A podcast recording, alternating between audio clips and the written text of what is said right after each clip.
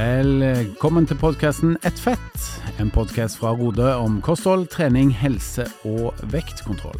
Mitt navn er Henning Holm, og jeg gleder meg til å ta deg med på en reise gjennom livsstilsendringens verden med aktuelle gjester. Da er vi på plass med en ny episode, gitt. Eh, Henning her eh, klar. Flunkende klar. Som vanlig har med meg Halvor. Du er vel klar også? Jeg er klinkende klar. Ja, du er tilbake i form igjen, da, vil jeg si. Du har jo vært eh, litt nedpå, litt forkjøla, hatt feber og Som Ja. de fleste menn syntes veldig synd på sjøl når jeg hadde feber på 38,1. Ikke sant? Men nå er du i storform, det synes. Og så har vi med oss eh, Sven Erik. Du er tilbake igjen, Jeps. Jeg kjenner litt eh, den gryende skepsis til harsen min. ikke sant? Litt sånn, litt Harsen sånn litt, harsen, ha, halsen. Halsen, ja. Ikke hasj, folkens, men hals. Yes. Jeg kjenner at jeg har litt sånn sår hals, så mulig ja, noen har smitta meg her, tror jeg. Men du har jo vokst opp ikke så veldig langt fra Trøndelagen, og det er vel en karsk som gjelder da, er det ikke det? Ikke så langt fra Trøndelag. Røros er Trøndelag, så Ja. kom ikke her. Røros er faktisk hovedstaden i både Nord- og Sør-Trøndelag. okay. Det? Det fins ikke noe Nord- og Sør-Trøndelag lenger. Gamle. Nord og Sør. Men uh, det er godt å ha deg på, på plass, uh, gentlemans. Uh, det er jo sånn at vi hadde stjernebesøk forrige uke. Else var her. Else Kåss og Ellen Aam må si hun er virkelig stjerne hun. Absolutt, absolutt. Men eh, det var ålreit å ha din store ja, ditt store forbilde som komiker på besøk. Halvor? Ja, hun, har min, ja, hun er min humorhelt, rett og slett. Eller humørhelt. Hun er, jeg syns Else Kåss eh, er utrolig morsom. Det kommer vel åpenbart fram i den podkasten, men, men hun har mye mer å by på enn bare humor. Men ja, det var, da hadde jeg, det var barnehage en time for meg. Det må jeg si. Jeg, hør, jeg hørte gjennom eh, denne episoden her i stad, og det, det, jeg legger merke til at du koser deg, altså. Ja, det stemmer. Så artig, artig å høre sånn, fra en litt sånn ydmyk side, for du opplevde at hun var kanskje hakket morsommere enn deg sjøl. Hun er mye, mye morsommere enn meg. Hun er morsom hele tida. Jeg har jo et, i, i beste fall en gang per døgn. Men det jeg har lyst til å si, at jeg syntes det var en veldig veldig bra episode. Det var, ja, det var mye humor og mye latter, men det var òg veldig mye relevant informasjon eh, om det med å gå ned vekt, og ikke minst i forhold til serien hennes, Helsekost Furuseth, som tror vi alle har blitt veldig imponert over. Absolutt. Det, det var ålreit altså, å ha henne på besøk. Men spørsmålet er jo nå, har du eh, Har Else kommet hjem til dere sånn foreløpig? For du inviterte jo til å bo hos dere. Ja, på vegne av familien og meg sjøl, så inviterte hun eh, Hun har åpen invitasjon. Hun har ikke vært på besøk enda, men vi har hatt eh, SMS-kontakt. Så vi har nå en date etter 17. mai en eller annen gang, der vi skal gå oss en tur. For jeg har lyst til at hun skal se at det å bare gå er mer enn god nok trening for hun og de fleste andre. Og så skal hun få noen tips på det her med sykkelbekledning, for hun skal visst være programleder i NRK i sommer og drive og sykle Norge på kryss og tvers. Og det hadde hun visst ikke noe erfaring med, så da tenkte jeg skulle få, få henne til å kle seg sånn at det ikke blir mer ubehagelig enn det kommer til å bli. Akkurat. Ja. Da får du holde oss oppdatert da på hvordan det går, om du klarer å Ja, om dette frieriet ditt til å flytte hjem til dere faktisk eh, Ja, om du lykkes med det, da. Hvis jeg, når, når som helst, når jeg treffer henne, hvis jeg treffer henne, skal jeg legge det ut på alle mine sosiale plattformer, nemlig Fax, Facebook, til og med Instagram, men ikke eh, TikTok. Men fax, er det et sosialt medium? Hva tenker du, Svein Erik? Eh, Fax, det var fra forrige generasjons sosiale medium. Ikke sant? Det var jo sånn vi inngikk eiendomskontrakter, var ikke det, i gamle dager? Ja, det gjorde gjør vi faktisk. Ja, det er helt utrolig å sånn. tenke på. fax. Er det sant? Det. Jeg lurer på om noen av lytterne tenker litt sånn fax, hva er det? Ja, jeg, jeg tror at de fleste lytterne av oss er vel over 23 år, så eh, jeg tror de fleste vet hva en telefax er. Veldig bra. Selv om det er lenge siden. Men jeg har lyst til å skryte litt av eh, vår kjære kollega Ellen, for i podkasten har hatt veldig mye gode innspill, syns jeg, på, og, hun har jo fulgt eh, eh, Else over ganske lang tid. Mm. Og jeg tror faktisk at mye av eh, grunnen til at eh, Else gjør det bra nå, det er fordi at hun har hatt Ellen med seg over, eh, over en lang periode som kursleder. Er helt Ellen er jo ei stjerne. Hun er en stjerne, virkelig. Jeg må jo si det at hvis noen eh, vurderer eh, og, Ja, hvis vi har en del lyttere som bare har kommet over podkasten, og som kanskje tenker at de har behov for å ja, få litt hjelp til en livsstilsendring, så ville jeg absolutt tatt kontakt med Ellen, Også. Det vil jeg, og jeg vil også si at ja, hun er kursleder her i Oslo, har da lokale kurs i Oslo, men hun har også noe kurs på Teams. Mm. Sånn at folk fra hele landet kan faktisk gå på kurs hos eh, Ellen. Teams er jo det som kom etter faks, er det ikke? Det er helt riktig. Det er sånn digitalt. Det, var nok noen steg på vei mellom der, uh, unge herr Laustad. Veldig bra. Vi uh, skal snakke om noe som jeg er helt sikker på at uh, Elna og Else har opplevd, nemlig søtsug. Det er dagens tema for denne episoden her, så når vi kommer tilbake igjen, så skal vi ja, reflektere litt rundt hva søtsug er for noe, og snakke litt om våre ulike opplevelser rundt det. Så når vi er tilbake igjen om to strakser, så setter vi i gang med dagens tema. Vil du komme i gang allerede før sommeren? Velg startpakken vår, da vel. Fire møter for kun 1499 kroner. Det kan være akkurat det pushet du trenger for å komme i gang. Søtsug. Har du opplevd det, Svein Erik Dahl? Doktor Dahl? Ja, Doktor Dahl har opplevd det. Eh, det var en periode i livet at jeg innbilte meg sjøl at jeg var sukkeravhengig, faktisk. Jeg følte at jeg trengte en sjokolade hver eneste dag. Og det kan du kanskje kalle et meget ekstremt form for søtsug. Ja, men det, det, det med liksom føle at man trenger en sjokolade hver dag på kvelden, eh, det tror jeg at veldig mange kan kjenne seg igjen i. Mm. Altså, se for deg eh, Jeg er veldig glad i kald sjokolade. Så en god gammel melkesjokolade eller firkløver som har ligget på omtrent 4,2 grader i kjøleskapet. Oh. Du trenger ikke ha søtsug engang for å bli uh, glad for det. da. Ikke sant? Og så setter du deg i sofaen. Du har spist uh, ikke for mye uh, til kvelds, bare litt, liksom. Så du har fortsatt litt sånn Du er bitte litt sulten, eller du innbiller deg faktisk det. Sett deg ned i sofaen, setter på Netflix. Du, det er rolig i huset. Ingen, ingen snakker. Bare ah Faksen er slått av. Ja. men, men ja, du, du trenger ikke være sukkeravhengig for å gå på den, eh, Nei, den fella der. Absolutt ikke, men det jeg tror for i mitt tilfelle så handla om at jeg heller ikke Hvis jeg hadde tatt, først, tatt den første biten, så klarte jeg ikke å stoppe. Så uavhengig om det var en uh, liten sånn 60 grams firkløver, eller om det var en 200 grams, så gikk den ned på høykant. Uh, ja, hvor mye kunne du spise da? Jeg kunne spise en par sånne store plater, ja, i løpet av en kveld. Et par? par sånn 400, altså 400 gram til sammen, da. Kunne du spise 400 ja, gram sjokolade? Er det sant? Null problem. Nå, wow. nå røper jeg jo litt. Vi har jo, vi har jo nå skrevet en bok om Hans Erik og hans uh, reise ned mm. i vekt. Vi har snakket om det mye i podkast, men der har du fortalt litt om den perioden der som er flere mm. år siden. Men ja. der, der, dro du ut på natta. Kunne stå opp midt på natta. Og, og spis, drakk halvannen liter rødcola og en, i hvert fall en sånn 200 gram. Mm. Som og du litt, spiste da før du gikk inn igjen? Toppa med litt cheese doodles på toppen. Ja. Så det, der ja, det var, det var et meget sterkt sug, for å si det sånn. Mm. Vi har jo med oss eh, ei super dame som er student, som har liksom praksis hos oss i Rode. Hun sitter og lytter på i dag. Nå så jeg haka hennes. Den, den, den falt ned. Mm. Eh, 400 gram sjokolade, det, det var nøkkelordet. Ja. Og det, og det jeg tror veldig... mange andre ble overraska, for det, det, er mye, Svein Erik. Det, det er mye, men samtidig så tror jeg altså jeg tror veldig mange som kjenner seg igjen, om uh, kanskje, kanskje, ikke spiser så like mye som, som meg, men, men, jeg tror veldig mange, og, og, det er liksom veldig skambelagt. da. Det er liksom, mm. nesten litt, selv her, her er mange år siden, da, men det er nesten litt sånn ekkelt å snakke om det nå, at det, at det faktisk har vært så Absolutt. avhengig. Det, forstår, det forstår jeg, og det er ikke meningen liksom uh, grafse ned disse skambelagte temaene. Men jeg tror det er veldig nyttig for folk å, å høre på, og sikkert mange som kjenner seg igjen nå. og Det som jeg kan si for å liksom backe deg litt opp, da, at det som ofte skjer, det er jo at tåleevnen, da. For hvor mye man kan spise før man liksom opplever en viss form for kvalme. Eller jeg liksom åh, at man er helt sånn eh, stappmett. Den øker jo for, for jo mer du spiser, ikke sant. Mm. Så Eh, det meste jeg har klart å spise i en omgang av en sånn sjokoladeplate, det er hele plata, med unntak av den siste tre, den raden, da. Ja. Det er det jeg har klart. Men da, da har jeg ofte løpt et løp, eller liksom hatt en lang treningsøkt, eller Og så har jeg gått for mange timer etter økta hvor jeg ikke har spist, og jeg heller kanskje ikke drukket nok vann. Drukket for mye kaffe, og, og så har jeg havna i den fella der. Da. Så jeg, jeg, skjønner jo hva du mener. Mm. Men to plater, det, det, det, må jeg si, det var en prestasjon. Ja, Jeg klarer ikke i dag, altså. I dag Nei. blir jeg kvalm lenge før. Men, ja. uh, eller det vil si, jeg har ikke prøvd på en stund, eller, men Men hvis vi går inn på dette med søtsug, Halvor. Altså, kan du forklare liksom bakgrunnen rundt det?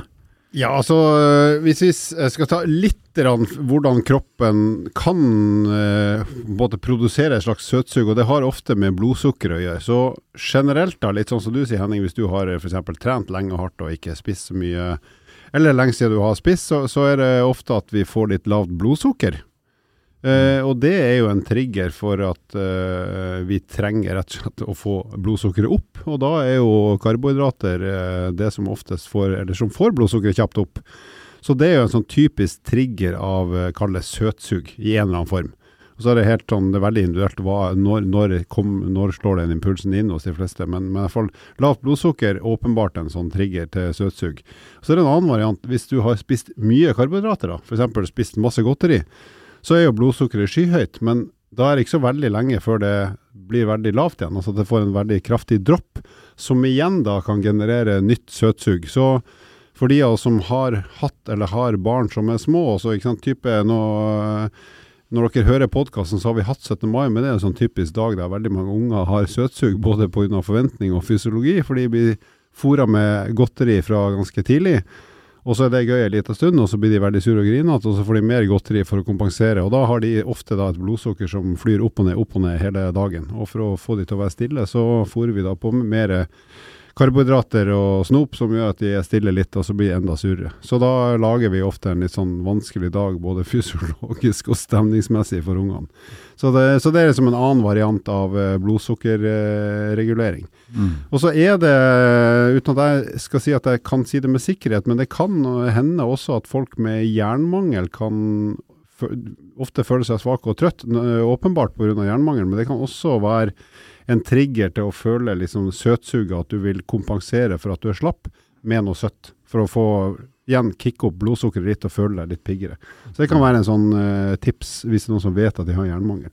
Men det er en ting som er god nyhet. Da, det er at hvis du har god kondisjon, eller får bedre kondisjon enn det du har i dag, hvis kondisjonen er dårlig, altså formen, så vil det for de aller, aller fleste gjøre at reguleringa av blodsukkeret og dermed søtsuget blir litt bedre. Så jeg har bl.a. vært med på masse forsøk der vi har testa fastende blodsukker. Og Der ser vi at responsen hos de som er i god kondisform, er at de regulerer et sukkerinntak mye bedre enn en som er i dårlig kondisjonsform. Så utsatt for en viss mengde sukker, så vil en som er i god kondisform få et mindre, mindre blodsukkerøkning, og sannsynligvis også et mindre søtsug, selv om det er individuelt. Takk for god redegjørelse rundt temaet der, Halvor. Eh, Svein Erik, hva tenker du når du hører dette siste her som Halvor sier med dette med økt tollenhet? For der har jo du vært gjennom en utrolig reise de siste ja, åtte månedene, vel? Seks, syv, åtte månedene. Ja. Og du, du har jo persa på mila, til og med. Du, Ja, jeg har faktisk begynt å like å løpe både kort og langt, skal jeg både med eh, intervalltrening Ikke sant? Og med og uten racket. Ja. Med og uten racket òg, faktisk. Ja. Ja. Ja, så det, det, det er veldig gode nyheter som eh, Halvor er inne på her. Jeg har bare lyst til å presisere en ting. eh, Halvor snakka om det med karbohydrater. Det er det som, eh, som resulterer i blodsukkersvingning. Da er det viktig å skille mellom raske og, langsomme karbohydrater. At det er sukker sukkerholdige karbohydrater, eh, de raske karbohydratene som, som krever en, eh, som gjør til at du får eh, rask blodsukkerstigning og senkning, som han var inne på. Høyglykemiske, vel å merke. Gly glykemisk indeks, ikke sant. Eh, og så er det, men det finnes jo mange langsomme karbohydrater, sånn type grønnsaker og sånn, som er, da, eh, stabiliserer blodsukkeret mye bedre. Mm. Men uh, dette med at eh, utholdenheten din har økt, altså kan vi trekke noen paralleller her til søtsuget? Ja, altså, jeg, for å være helt ærlig, altså, jeg tror når det gjelder sant, så snakker vi både fysisk og, og psykisk uh, vil jeg si. Mm. Og, og jeg, jeg hører veldig mange som, som gir råd om det med søtsug, handler om at hvis du bare kutter ut sukker i en viss periode, så forsvinner søtsuget. Mm. Det har jeg aldri opplevd. Men det, Det er tull. Jeg har i hvert fall ikke kjent på det, men det tror jeg handler om det at du har et mentalt lyst på sjokolade, da, i mitt tilfelle, ikke sant? Mm. som aldri forsvinner. Så du må, er du, er du i den kategorien som jeg da antagelig er, så, så må du rett og slett sette begrensninger og se, lage deg regler for deg sjøl om at uh, sjokolade kan du bare spise på lørdager, f.eks. Mens det fysiologiske behovet for sukker, eller, det tror jeg nok stemmer ut ifra det dere sier nå, ikke sant? at er man i bedre form, bedre kondis osv., så, videre, så er det kanskje Kroppen higer ikke like mye etter, etter det sukkeret da når du, når du trener mer. Ja, for litt av grunnen til at vi ville ta deg med på denne podkasten, er ikke bare fordi du er en eh, snill og god kar. Det er, fordi det er at- først og fremst derfor. Ikke sant? Men du er jo en, du er veldig glad i søtsaker, og det har du jo eh, proklamert for oss eh, alle sammen her på, på kontoret i lang tid. Så, og du har dette søtsuget som du egentlig kjemper litt mot uh, nesten hver dag. Det det. Så eh, for oss var det interessant når vi skulle snakke om dette temaet, å høre dine refleksjoner, da.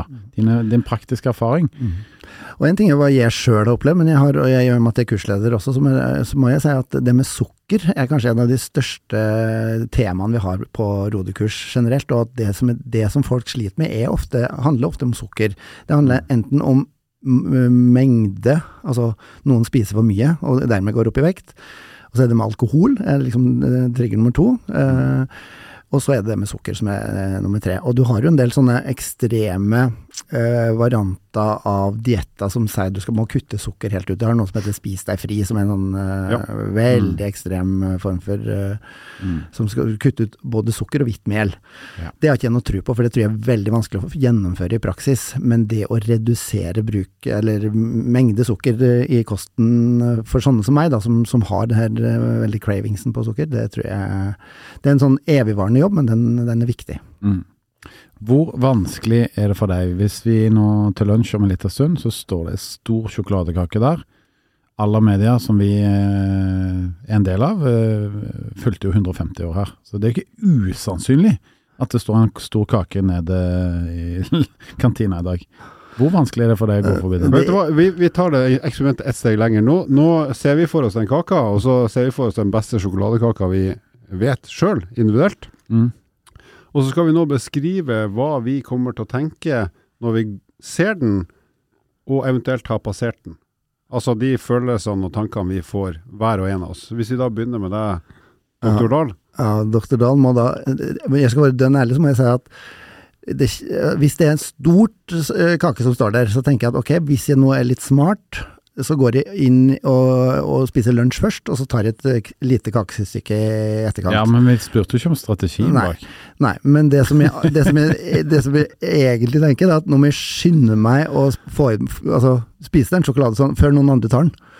Ja. Det, er det du egentlig tenker? Ja, sant, ja. Men du har lyst på? Ja, alltid lyst på. Og sjøl mm. når vi snakker om det, så kjenner jeg at jeg får litt sånn uh, vann i munnen og lyst på sjokoladekake. Hva, og hva gjør det da? Nå har du for så vidt sagt hva du tenker, men hva, hva, hva gjør det hvis det der er tilfellet om en halvtime? Jeg må prøve å lage sånne strategier som gjør at jeg klarer å unngå, da. Eh, og det som ofte det som har hjulpet meg, i hvert fall, det er å, å, å begrense mengden på, på, det kakestykket eller den sjokoladen jeg skal spise. da. Så at jeg kan tillate meg en liten, liten bit. Eh, for da går det å innbille meg sjøl at eh, altså det, det, det, Jeg bruker å si at andre kakestykke smaker det samme som det første. Så hold det til ett, ett lite kakestykke, liksom. Så, men du hadde, gått, du hadde tatt litt kake etter lunsjen? Garantert. Ja. Hvis det hadde stått der framme, ja. ja. Garantert. Hva med deg, Halvor? Eh, når jeg hadde sett, for det her er jo da rundt lunsjtider som er ca. tolv, da hadde jeg sett kaka og tenkt åh, det der der ser utrolig godt ut. Og så har jeg tenkt hvis, hvis jeg skal ha den kakestykket, så skal jeg prøve å spise sånn at jeg får mest mulig sjokolade i munnen per bit. For at jeg er igjen en unge, ikke sant? så jeg ville nok min, altså jeg ville ha skåret til kakebiten sånn at jeg fikk minst mulig kalde kakestoff og mest mulig sjokolade. Så gjerne sånne hjørnebiter med litt sånn ekstra tjukk lasur, ikke sant.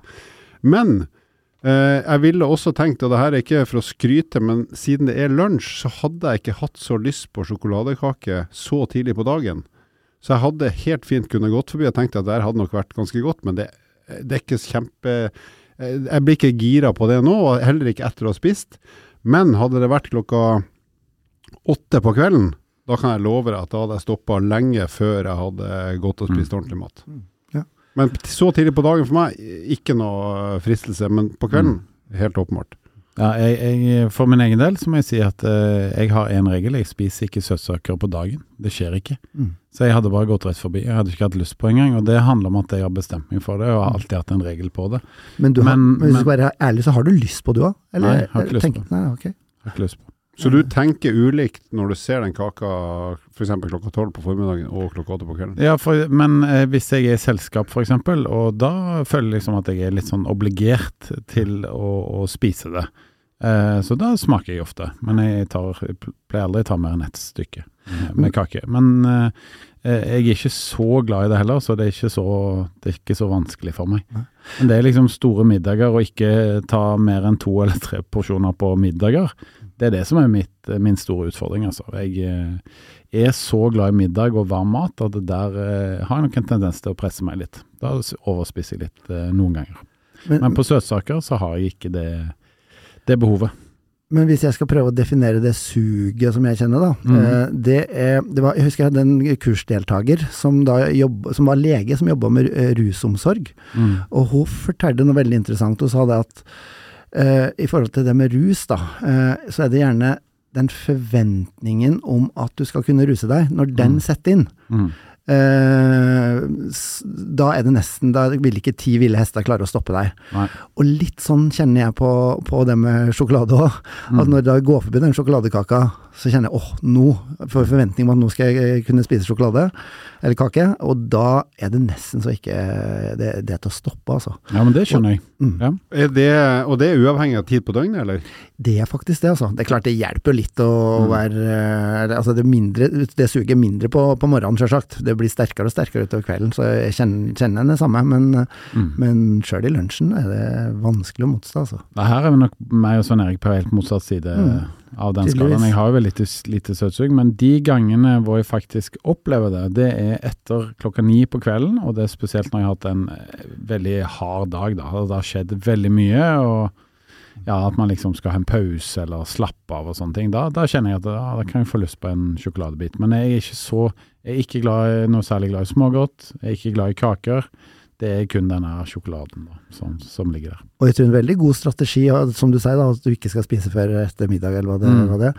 Fordi at eh, jeg bruker å si på kurs at eh, sukker avler sukker. Så jo tidligere på dagen du begynner å, å Mm. eh, spise noe sukkerholdig, for da Mm. går jo blodsukkeret opp, ikke sant? så går det like mye ned igjen, og så får du lyst på mer, og så, og så avler det utover hele dagen. Ja. Så eksempel det å spise veldig sukkerholdige frokostblandinger, tror jeg for mange er litt eh, dumt.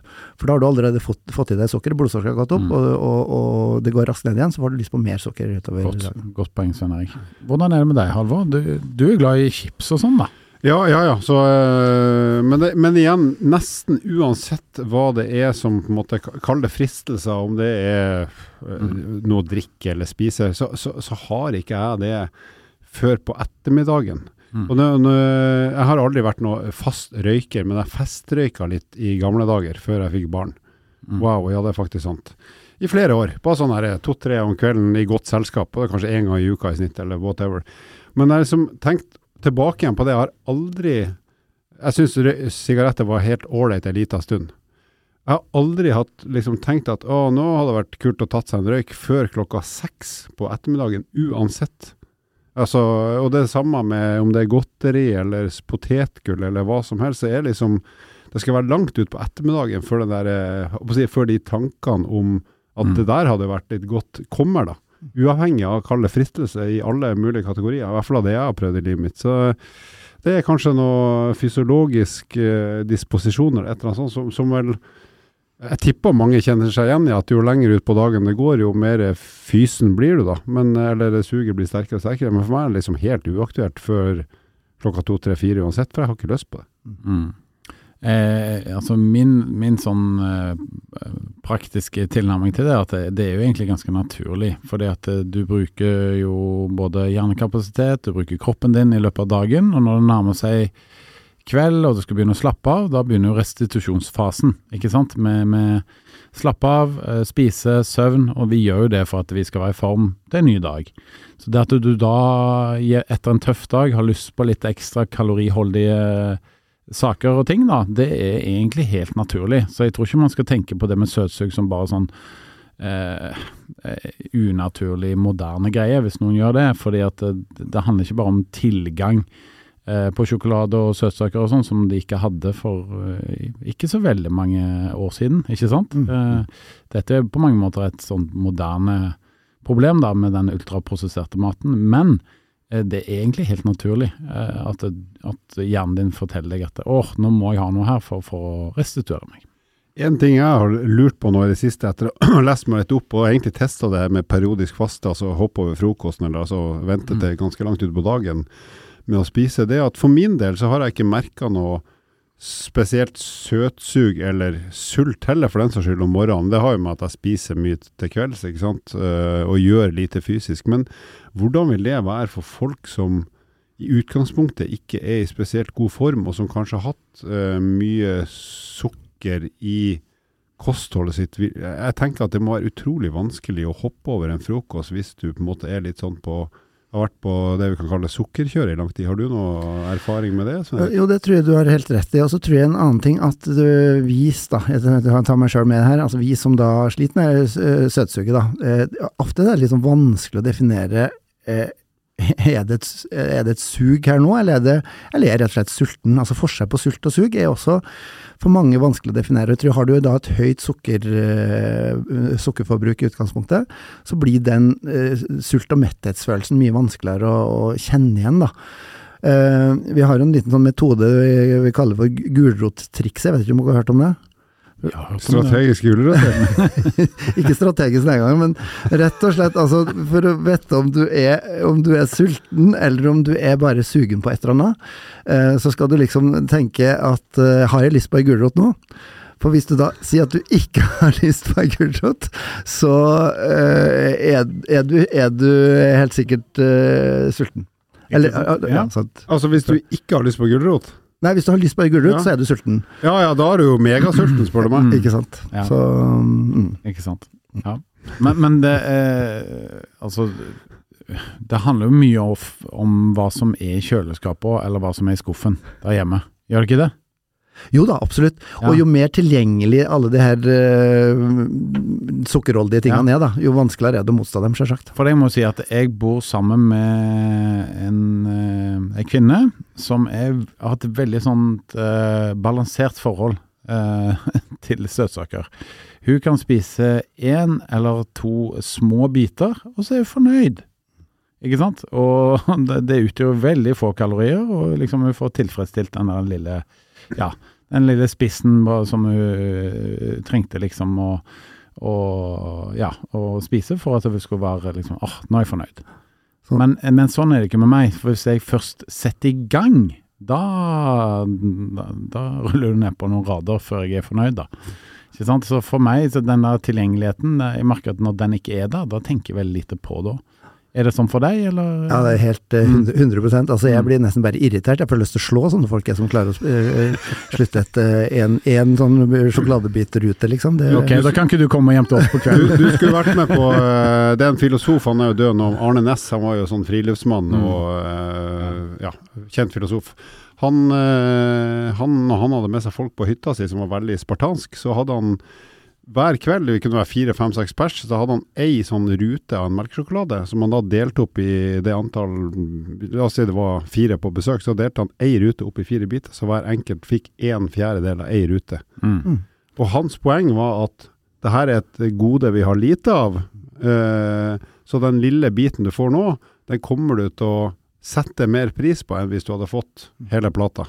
Mm. Eh, han hadde vel det, jeg kjente ikke han, jeg har hatt han som lærer, men han, han, det var liksom litt av hans filosofi, at det er med måtehold, altså du skal ikke så mye til å nyte det, men da nyter du kraftigere når du får noe som det er litt sånn begrensa tilgang på. Der må jeg bare gi ros til uh, Rode-metoden. Mm. Altså Dette er ikke en reklame på det i det hele tatt, men det som jeg er mest imponert over etter jeg kom inn i Rode, det er at liksom du, du får lov til å spise mye av det som er i utgangspunktet er nei-mat, men du må passe på at du virkelig begrenser deg. Da må du bruke kosemerker, må du ikke?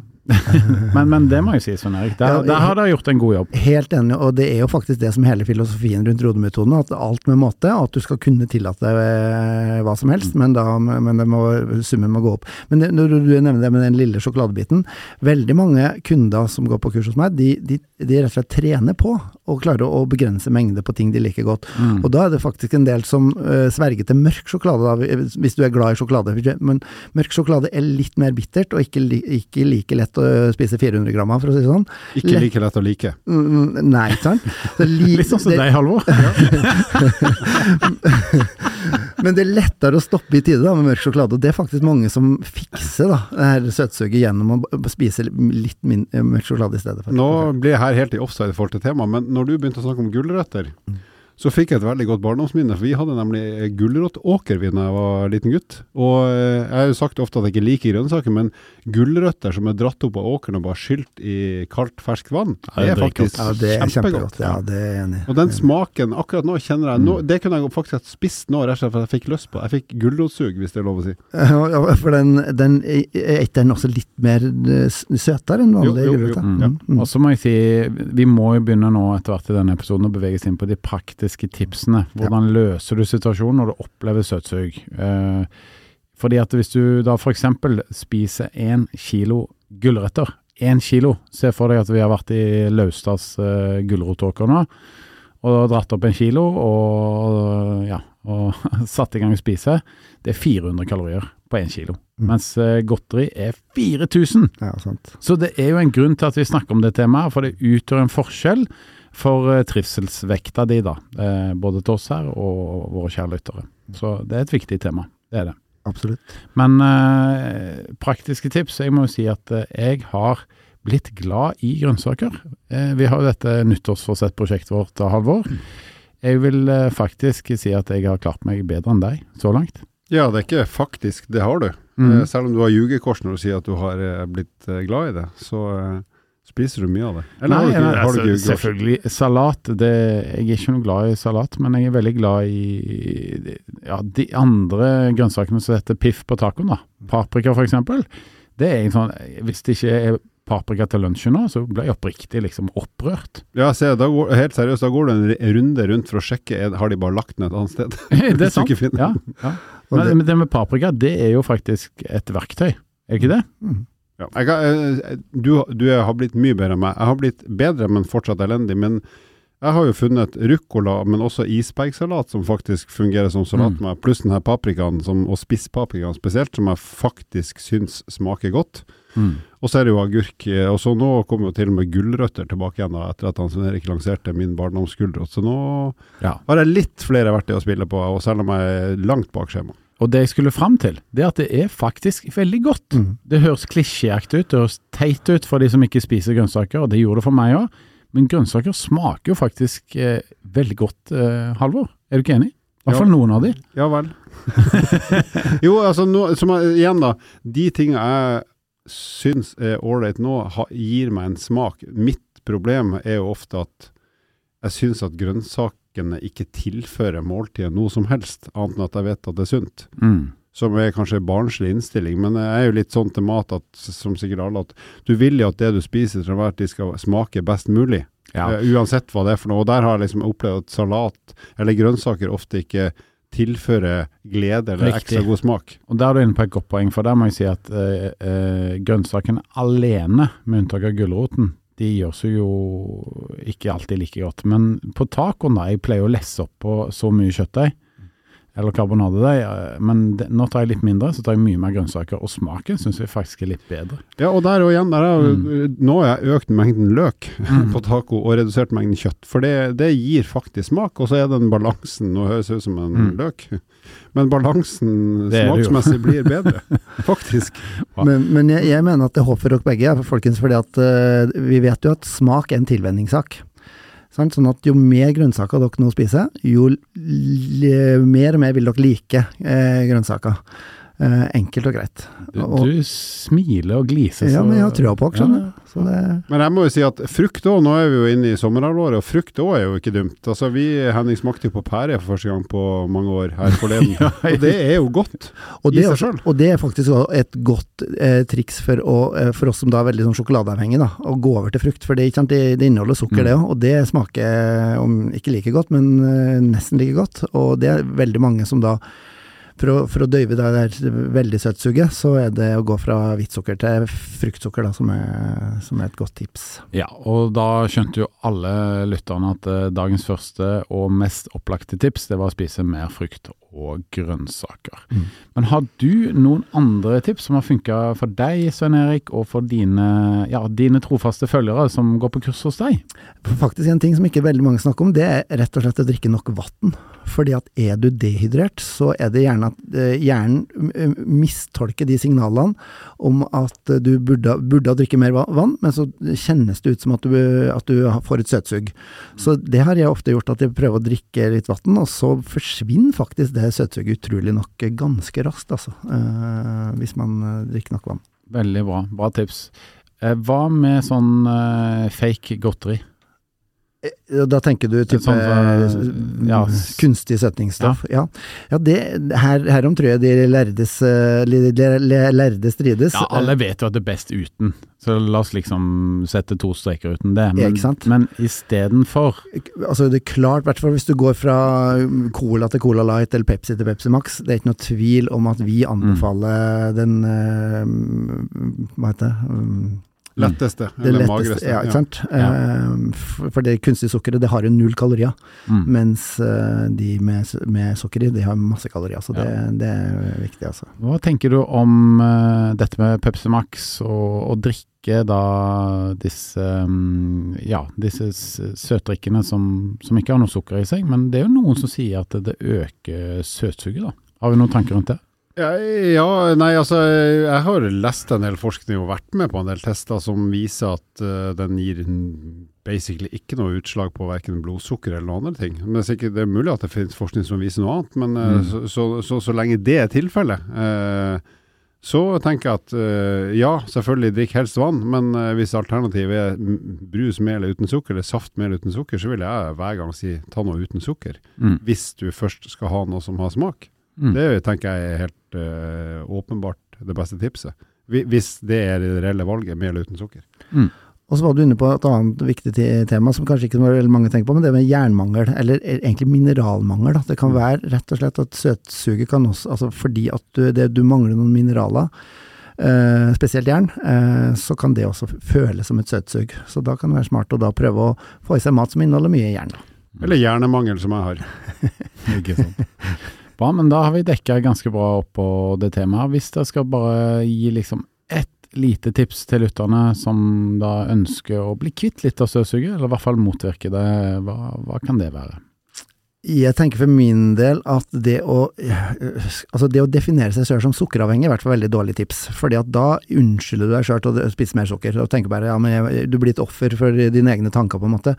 Så det å, å på en måte kjenne at det går an å gjøre noe med det, få tankene over på annet når søtsuget kommer, eh, drikke vann, eh, få i seg nok, eh, spise grønn, grønnsaker og frukt i stedet for, Mm. det, det går an, altså. Så vil da søtsuget gradvis avta. Og til meg så har det avtatt veldig mye. Mm. Jeg spiser jo ikke så mye sjokolade lenger. Mitt tips er kom i bitte litt bedre kondisjonsform, for da blir reguleringa av blodsukkeret bedre. Og som jeg sier til ungene mine, spis deg mett på ordentlig mat før du skal ha eventuelt godteri, uansett. Jeg eh, vil slå et slag for uh, godtestopp, jeg, rett og slett. Eh, vi hadde jo det temaet her for et par episoder siden, og jeg har nå et lite sånn veddemål med mine tre barn, da. Og de er jo, som barn de er jo veldig glad i lørdagsgodt og søtsaker og sånn. Så nå har vi sagt hjemme at eh, nå skal vi ha godtestopp. Eh, litt sånn motivert av diskusjonen jeg hadde med Karoline eh, her, og, og jeg syns jo at hun har kjempefint poeng med måtehold, og det er fint det. Men uh, når det kommer til uh, barn og godteri og sånn, hvis det står på bordet, det er ikke noe særlig måtehold blant de, da. Så jeg, jeg utfordrer på ja, skal ikke vi teste, liksom, klarer vi oss uten eh, et par måneder? Så frem til eh, 11. juli, når vi drar på vår Spania-ferie, så skal vi ikke spise noen form for godteri hjemme. Heller så- ikke is på 17. mai. Is på 17. mai er eneste unntaket. Eh, Og så er det sånn, det er noen barnebursdager og sånn, da, da skal de få lov å kose seg. Selvfølgelig, det er barn. Men uh, alt utover det i hverdag og i helger og sånn, da skal vi holde oss uten. Skal vi se hvordan det går. Så det er et litt spennende prosjekt. Veldig spennende. Er det, Mm. har dere en eller annen slags belønning når, hvis dere har klart det innen så så lang tid, eller er det Ja, det har vi. De har jo uh, De skal få ti kroner hver. Nei, men, men uh, det, på shopping på sommeren så har de alltid noen ønsker. Eh, og da er det fotballsko hos gutta, og så er det dansesko hos min datter. Da har jeg sagt at eh, hvis vi lykkes med det her, så får vi gå innom en butikk så får vi hente ut de skoene som de ønsker seg. Med tak på, selvfølgelig.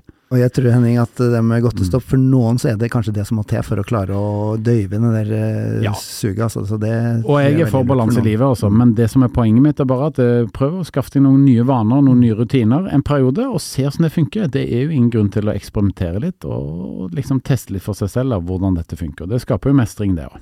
Helt klart. Herlig. Det er på tide med dagens fun fact, Laustad. Laustad.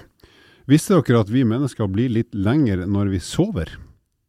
Nei, det visste Mm. dere ikke. Og det er for at uh, når vi er oppreist i hverdagen, så komprimeres vi litt, rett og slett for at de kreftene eh, trekker oss ned.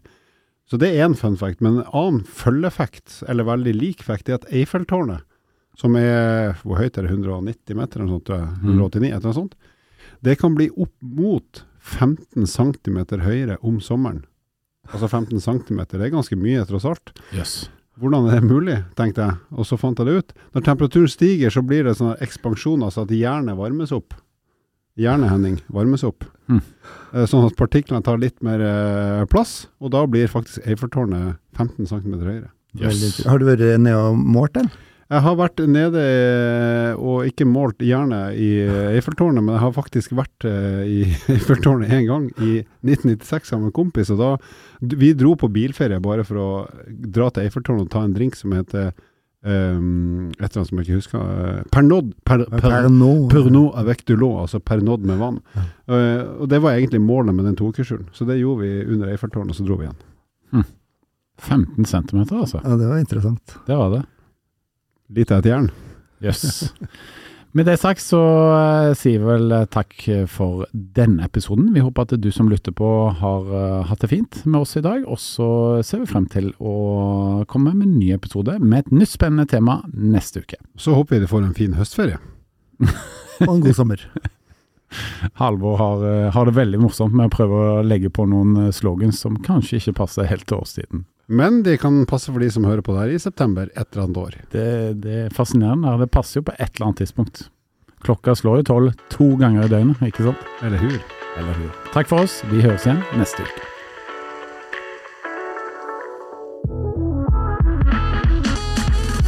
Takk for at du lytta på nok en episode med podkasten Ett fett. Dersom du er interessert i å lese mer om eh, livsstilsendring, gå inn på Rode-magasinet på rode.com. Vil du stille oss spørsmål som vi kan diskutere i en episode, ikke vær redd for å sende inn på Facebook eller Instagram hos eh, Rode. Til neste gang, vi høres.